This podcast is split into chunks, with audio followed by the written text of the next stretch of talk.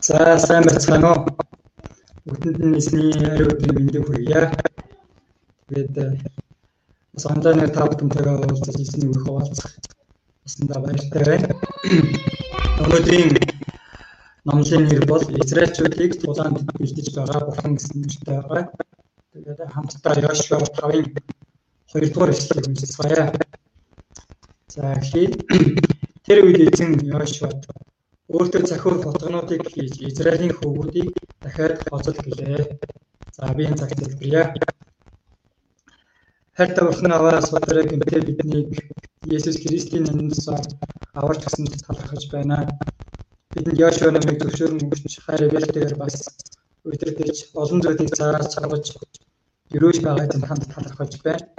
Өнөөдрийн бас бидний суралцах гэсэндээ та бидний зүрхсэлд гүн гүнзгий сийж ойлгуулан ухааруулж өгөөж гуйж байна.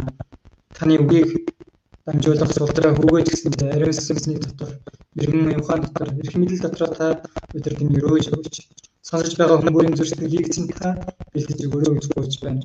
Энэхүү цагийг эзэн тандаа тагч байна. Есүсийн нэрээр залбирч байна. Амен. За өнөөдрийн үг бол Израильчууд Йордан голыг гатлаад Ерихог эзлэхийн өмнө Гилгал болсон үйл явдлын талаар юм. Израильчууд Бурхны тушаалыг дагаж хослох ёслолыг үйлдэн алхсад буюу эсрэг төлөвний баярыг тэмдэглэсэн. Дайсны нутагт орж ирсэн Израильчуудын хувьд хослол хийх тушаал нь ойлгомжгүй байсан ч гэсэнтэй Канаануудыг эслэх дайн яг үнэндээ бол Бурхан хийх тулаан бөгөөд сүнсний дайн байсан юм. Тийм тиймээс юуны түрүүнд өөрийн ард түмний сүнсний байдлыг бэлтгэх нь маш чухал байжээ. Өнөөдрийн үгээр дамжуулан эзэн бурхны ард түмэн болсон гэж гисэн сүнслэг тулаанд хэрхэн бэлтгэж оролцох хэрэгтэй бөгөөд тулааны утга учир нь юу вэ гэдгийг сайн ухаарч чадахыг хүсэн өгч байна.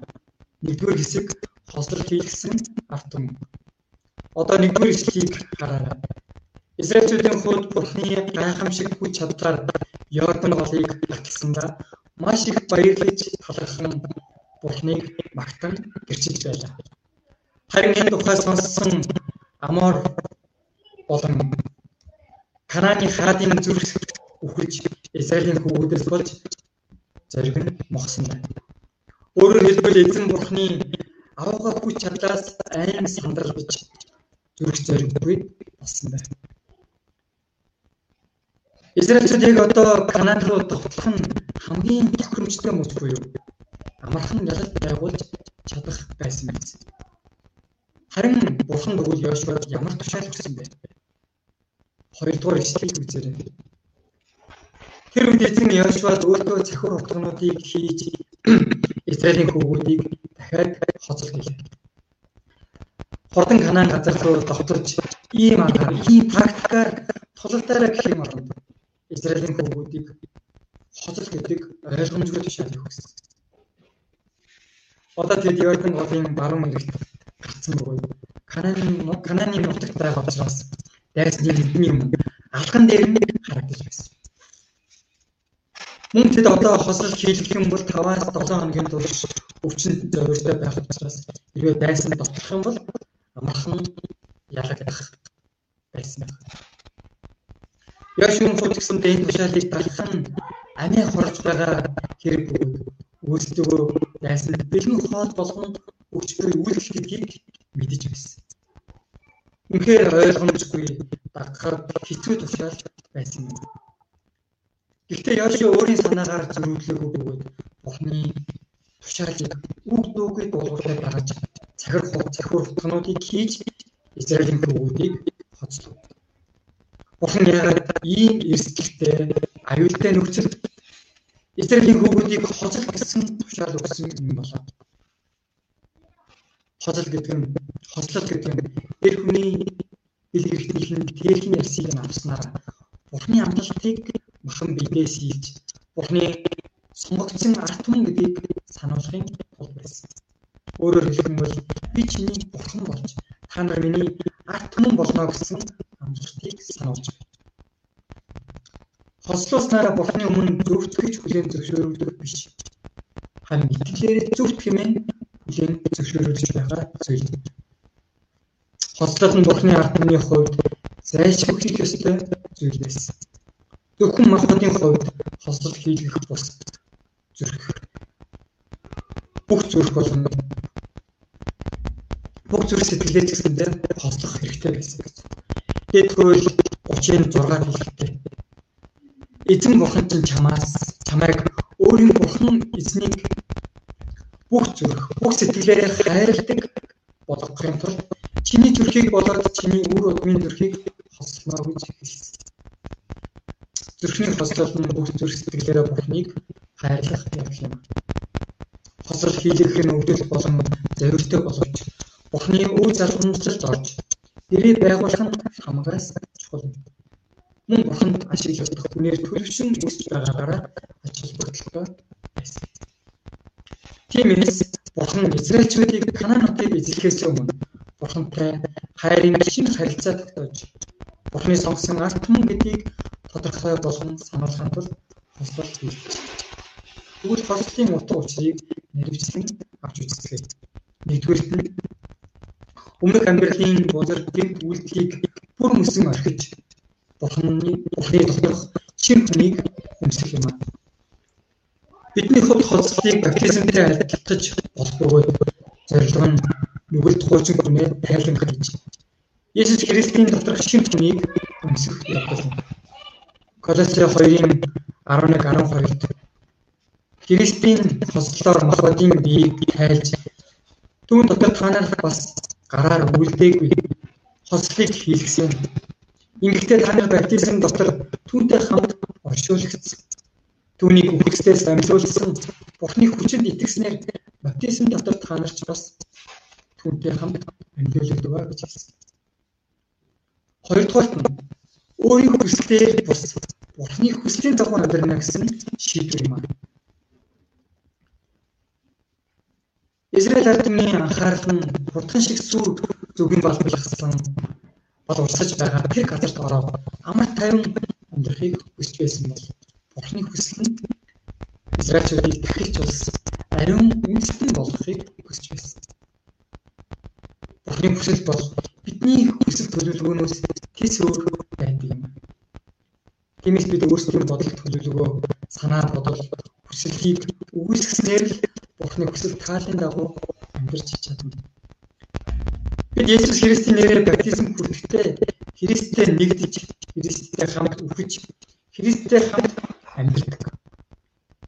Тиймээс баптизм хүртсэн хүмүүс өөрсдийн хүсэл тэмүүллийн дагуу амьдрахаа болж харин Бурхны хүслийн дагуу амьдрах итгэлийн шийдвэр гаргасан юм. Амен. Гуравдугаарт нь бол өөрийн бардамнал ба асуул дараа байдлыг бүрэн хүлээн зөвшөөрч зөвхөн бурханд төшөглөөсэй хэмээн хүссэн. Израильчууд Гэлгаар хослол хийгсэн явдал нь бурханд бүрэн найдах итгэлийг суулгахыг хүссэн учраас. Бид аюултай нөхцөл байдлын донд хослол хослол хийгсэн нэр бурханд найдахаас өөр аргагүй байсан. Бидний махбод хүчгүй учраас өөртөө найдаж найдах ямар зүйл үлдээгүй байна. Энэ бурхан тэднийг хамгаалж тэднийг хамгаалагч бөгөөд тэднийг хийх гэж байгаа тулаан нь бурханы ажил гэдгийг ухааруулах гэсэн юм. Тиймээс бурхан бүрэн төшөглөж байж л ялалт байгуулж Канаан газрыг байлтан дагуулж чадах байсан. Тиймээс бурхан бүрэн төшөглөж байж л ялалт байгуулж Канаан газрыг байлтан дагуулж чадах байсан бидний хувьд бурхан төвшөлж байна гэж хэлдэг боловч бодитоор хүмүүс болон өөрийн мэдлэг чадвар туршлага бодит нөхцөл байдалд найдах нь их байдаг. Ийхүү өөртөө найдаж төвшөлдөг учраас бурхнаас зурж хичээнгүүл нь залбирдаггүй. Бурхны үгийг уншиж судлахын оронд харин хүмүүсийн зөвлөгөөг сонсох нь бас амархан байдаг. Иймээс бурхны тусламжийг авч бурхны хийж байгаа ажлыг харж чаддаг. Зэрэг манай цуглаан хосол ба баптизмын гүн утга учирыг тунгаан бисж болж хувь хүн нэг бүр Бурхны өмнө өөрсдөө шилжиж үсхийг хүсэж байна. Бурхнаас сонгогдож Бурхны ард түмэн ба Иесус Христосийн дотор шинэ бүтээл болсон гэсэн байр суурийг дахин харж Бурхан талхар магтаалыг өргөж өгөхийг хүсэн гуйж байна. Амен. одоо 9 дугаар эшлэлийг үзээрэй. Дараа нь эзэн Йошуа өнөөдөр би та нараас Египтийн занар зөвхлийг зайлууллаа. Тийхүү энэ газар өнөө хүртэл Илгэл гэж нэрлэгддэг юм аа гэсэн. Израильчууд Бурхны тушааллын дагуу өгд хослол хийлгэсний дараа өнөөдөр та нараас Египтийн занар зөвхлийг зайлууллаа гэж тунхаглаж байна. Энд хийж байгаа Египтийн занал зөвхөл гэдэг нь Египтэд боочлогдсон үеийн ичгүүрийг хэлж байна. Израильчууд Египтэд боочлогдох үедээ боочлогдсон сэтгэлгээгээр дүүрэн залхуу хоёр ясвартхунгүй зөрүүд готронгүй шунал хүслээр дүүрэн байсан. Тэд өөрсдөө бурхны ард түмэн гэж үзэж байгаа ч Египт Египт ичүүчиг нүгэл үлдсэн гэдгээ мэдээд ичүүртэй санагддаг байсан байж. Гэвч өөрсдөө өөрсдийн болон өвөг дээдсийнхэн доромжлол ичүүрт гмийг гимшин хослол хийсний дараа Бурхан тэднээс Египтийн бүх заналжлыг зайлуулж ялангуяа Египтээс авч ирсэн бүхэл соёлын нөлөө, шашны нөлөө, амьдралын хэв маяг бүхэл нөлөөг зайлуулж Тиймээс тэр газрыг Гилгал гэдэг байна. Гилгал мөнхрүүлж зайлуулсан гэсэн үг. Ийхүү бурхан тэднээс Египтийн зан зөвхлийг зайлуулах. Одоо тэд Бурхны сонгосон ард түмэн гэсэн байр суурьд очижээ. Израильчууд Гилгал дахь хослоор дамжуулан ард үлдсэн бүхэл муу дурсамж, гэм буруу, муу хур зай зэрэг тайлан ханж одооноос шин хүсэл мөрөөдөл, шин амлалт, шин зүрх сэтгэл, шин хүнээр ураг саран амьдрах болсон. Энэ нь Бурхны биднээс хүсдэг зүйл юм. Бурхан бидний ийхүү алтгаа мартаж тэмүүлэн амьдрасыг минь хүсдэг. Гоочин гэмт хүнээ тайлан гэж Христ доторх шинэ хүнээр өдөр бүр минь хүсдэг юм. Бид Иесус Христэд итгэх итгэлээр дамжуулан бүхэл ичхүр ба муу хувь тавилан гмийн бослоос чөлөөлөгдсөн. Амен. Одоо ч намайг зовоож байгаа гмийн гинж байдал эсэргүүцсэн аль хэдийн чөлөөлөгдсөн хэмээн итгэлээр тунхаглацгаая. Хоёрдугаар хэсэг хөлөөсөө шаргагаар тайлбар. Одоо 10 дугаар хэсгийг хараа. Уг сарын 14-ний өдрийн орой Израилийн хүүгүүд Ирихогийн тал газарт Гэлгал буудлаж байхдаа алгаслыг тэмдэглэв. Алгасал баяр бол Израильчууд Бурхны хүч чадлаар фараоны боолслоос чөлөөлөгдсөнийг тэмдэглэх ёслол юм. Энэ үед Израиль 3 дахь удаага алгасал баярыг тэмдэглэж байгаа. Эхнийх нь Египтээс гарахын өмнөх өдөр эсгээгүү талхны баярыг тэмдэглэсэн. Хоёр дахь нь дараа жилийн буюу Канаан руу явхаас өмнө Синэн цүлд алгаслыг сахисан. Үүнээс хойш 38 жилийн турш Бурхан дотор засгалж зовлогдсон алгасал баярыг тэмдэглэж сахиж чадлаа. Бурхан Египтэд бүх ууган хүүхдүүдийг шийтгсэн тэр шөнө Израильчүүдийн ууган хүүхдүүдийг өөрийн гайхамшиг дараагаар үхлээс аврах арга замыг нээж өгсөн. Энэ нь хураны цусыг хаалганыхаа тутамд төрхөл алгасан өнгөрөх байсан. Израильчууд үүнийг дуулууртаар багснараа шүлтээс мултарч аврагдах боломжтой болсон. Алгасал алгасал баяр нь энэхүү авралын ивэлийг санаж Бурхны агуу хайр хүч чадлын төлөө талархал илэрхийлэх чухал ёслол юм. Тэд Бурхны авралыг санан талархах ёстой байсан. Тиймээс Гэлгал хоёр дахь үеийнх нь алгасал баярыг тэмдэглэжээ. Энэ үйл явдал нь Израильчуудын сүнсний бүрэн шинжлэлийн илэрхийлэл байсан.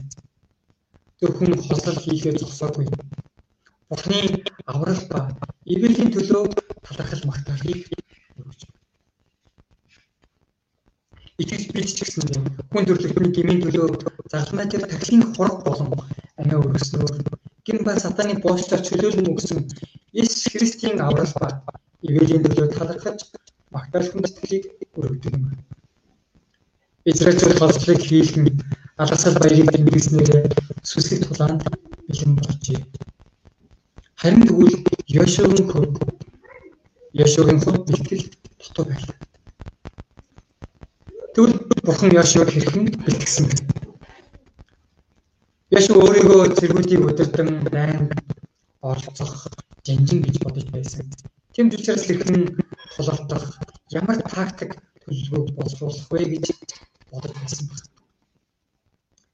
Тиймээс тэр Канаан газрыг харуулдан харж дайсны нутгийг хандаж байтал эсрэг талд нь илдээ суглан барьсан сэргийн зам жанжин зогсож байлаа. Яшэ түн дээр очив. Түүнээс та бидний руу дайсны руу гэж асуусан. Яшугийн энэ асуултанд тэр би эзний дайчдын ginээр ирээд байна гэж хариулсан. Энэ хариулт бол Израильчүүдийн талдч Канаанчуудын талдч биш бөгөөд эзэн бурхны аймын жанжнаар ирсэн гэдгийг хэлж байна. Энэ нь бурханд болон Христэд итгэгч хүмүүсийн жанжнаар ирсэн гэсэн утгатай. Эндээс харвал бидний хийх гэж байгаа тулаан бол бурхны хийх дайн гэдгийг ойлгуулахыг хүссэн. Харин бид харанхуй дэлхийд хэрэглэх бурхны гэрлийн зэвсэг. Яшугийн хувьд Канааны байлдан дагуулах дайны утга учирыг сайн ойлгоогүй байжээ. Канааны бэлтгэл дайн зүгээр нэг эсгэлэн хөрөнгөлөлт хөрөнгөлөлт бус Бурхны хүслийг биелүүлж байгаа. Энэ дайн нь гэрэл ба харанхуй хоорондох амьд оршигч бурхан ба хоорон шүтэнүүдийн хоорондох дайн байна. Өөрөөр хэлбэл Бурхны алдрын төлөөх дайн байсан. Тиймээс Йошуа Бурхныг өөрийн талд авахаас илүүгээр өөрөө Бурхны талд байх ёстойг ойлгуулахыг хүсжээ. Бид Бурхны талд зогсож Бурхны алдрыг харахын тулд тэмцэх хэрэгтэй юм. Бурхан өөрийн талд байгаа хүнтэй хамт байж тэднийг босгон байгуулж өгдөг юм. Хүн Бурхан эдгээр хүмүүсийн төлөөж тэмцэж өгдөг. Бурхан Йошуад их барьсан Бурхны дайсны жанжны дүрээр ирсэн Бурхан өөрөө тэдний төлөө тэмцэнэ гэдгийг харуулахыг хүссэн. Яшо Кананчуудтай хийх дайнд өөрийн хүчээр ямар нэгэн зүйл хийхээс илүүгээр Бурханыг удирдах чадах Бурханд дуулууртай байх нь босх байсан. Тиймээс ч Ирэх хотыг эсдэх дайнд Бурхан өөрөө тэдний төлөө тулдаж сэлэн эсвэл ямар нэгэн жаад номс мэдрэлгүй эсхэн авч чадсан байдаг. Үүнчлэн сүнслэг тулгаан нь миний дайн биш. Харин Бурхны дайн учраас Бурхны заавар удирдлагыг дуулууртай дагуул ялалт байгуулж чадна. Бид згсэндээ өөрийн арга ухаан эсвэл өөрийн хүч чадлаар тэмцэж ялалт байгуулж чадна гэсэн бодлыг тэмцэн авч хаях хэрэгтэй. Зөвхөн Бурхны аргаар Бурхны хүч чадлаар ялалт байгуулж чадах Эфес 6-гийн 12-д хэлэхдээ учир нь бидний тэмцэл бол мах цусны эсрэг биш юм. Харин харанхуй ертөнцийн захирагчид эрх мэдэл хүчнүүд тэмдэглэг орших байх ёрын сүнслэг хүчний эсрэг билээ гэж хэлсэн. Монгол улс сүүлийн үед шүүгэн тариад байгаа бэлгийн дарамтын асуудал бидний сэтгэлийг эмзэглүүлж байна. Мэдээж энэ маш олон асуудлууд биднийг зовоож шаналгаж байна. Мэдээж бид үүнийг эсэргүүцэн нуух хоолоогоо бүртгэх чухал боловч хамгийн чухал эсэргүүцэл тэмцэл бол сүнслэг талбарт явагдах ёстой. Магадгүй бидний сонсоогүй нийтэд ижлэгдээгүй энэ мэд олон хэрэгүүд байгаа байх. Тиймээс хамтдаа Монгол болон дэлхийн өнцөг болон бүрт байгаа бидний дарамт хүчирхийлэл устж Үүнээс болж хохирч байгаа олон олон хүмүүсийн хамгаалалтын төлөө хамтдаа залбирцгаая. Амен. Харин Бурхны хайрын жанжинтай уулзсан Йошуагийн хандлага тэгвэл хэрхэн өөрчлөгдсөн бэ? Тэд үнэндээ Бурхныг болон түүний стратегийг сонсож агах ёстой байна. Бурхан Йошуагийн талд байхаас илүүгээр Йошуа эхлээд Бурхны талд байж дуулууртай багах ёстой байна. Йошуа өөрийн өдөртөгчийн байр суурь, эрх мэдлийг ч гэсэндээ Бурханд бүрэн шилжүүлэх ёстой байлаа. 14-ийн B хэсгээс харах юм бол Йошуа нүгээр газар унаа. Түүнд мөргөөд миний эзэн зарцдаа юу хэлсэн болоо гэж ялсан. Йошуа өвдөг сүгдэн бурханд хүндэтгэл үзүүлж өөрийгөө бурханд өргөн түүний тушаалыг сонсох гэж байна. Тэр байр суурь болон эрх мэдлийг бурхан бүрэн тавьж өгөөд дуулууртай дагахад бэлэн байгаагаа илэрхийлж байна. Йошуагийн энэ хандлага бол сүслэг дайнд оролцох гэж байгаа хүнд байх ёстой үнэн жинхэнэ хандлага юм. Йошуагийн хууд Бурхны хүсэлд захирагдж байсан гэдэг нь харагдаж байна. Йошуа өвдөг сүгдэн Бурхны тушаалыг хүлээж байхад Бурхны айрны жанжин тушаалаа өгсөн. Бидний жанжин бол Есүс Христ бөгөөд бид бол түүний цэргүүд юм. Амен. Бид бол түүний цэргүүд юм аа. Бид сүнслэг дайнд оролцохдоо эзний өмнө даруур зүрх сэтгэлээр очин өвдөг сүгдэн газар унаж Бурхны дуу хоолойг түүний тушаалыг сонсож дуулууртай багах хэрэгтэй гэсэн. Энэ үед Бурхан Яшад ямар тушаал өгсөн бэ? Одоо хамтдаа 15 дугаар эшлэлийг уншицгаая. За билнэ үү? Эхлээд эзний дайчдын жанжин Яшад зогсож буй газар чинь ариун учраас хөлөөсөө шахаага тайлбарлах Йошуа ёсоор нь үлджээ. Эсний зайлшгүй жанжин Йошуаг юу гэж хэлсэн бэ? Зогсож байгаа газар чинь ариун учраас хөлөөсөө шахаага тайлбарлах. Харин ийхүү хэлгээд Йошуа ёсоор нь үлджээ гэсэн. Зогсож байгаа газар чинь ариун учраас шахаага тайл гэж тушаалгаж байна. Үлээсээ шахаага тайл гэдэг нь зэр зэвсгээ хураагсан үг. Бодохгүй болох дайн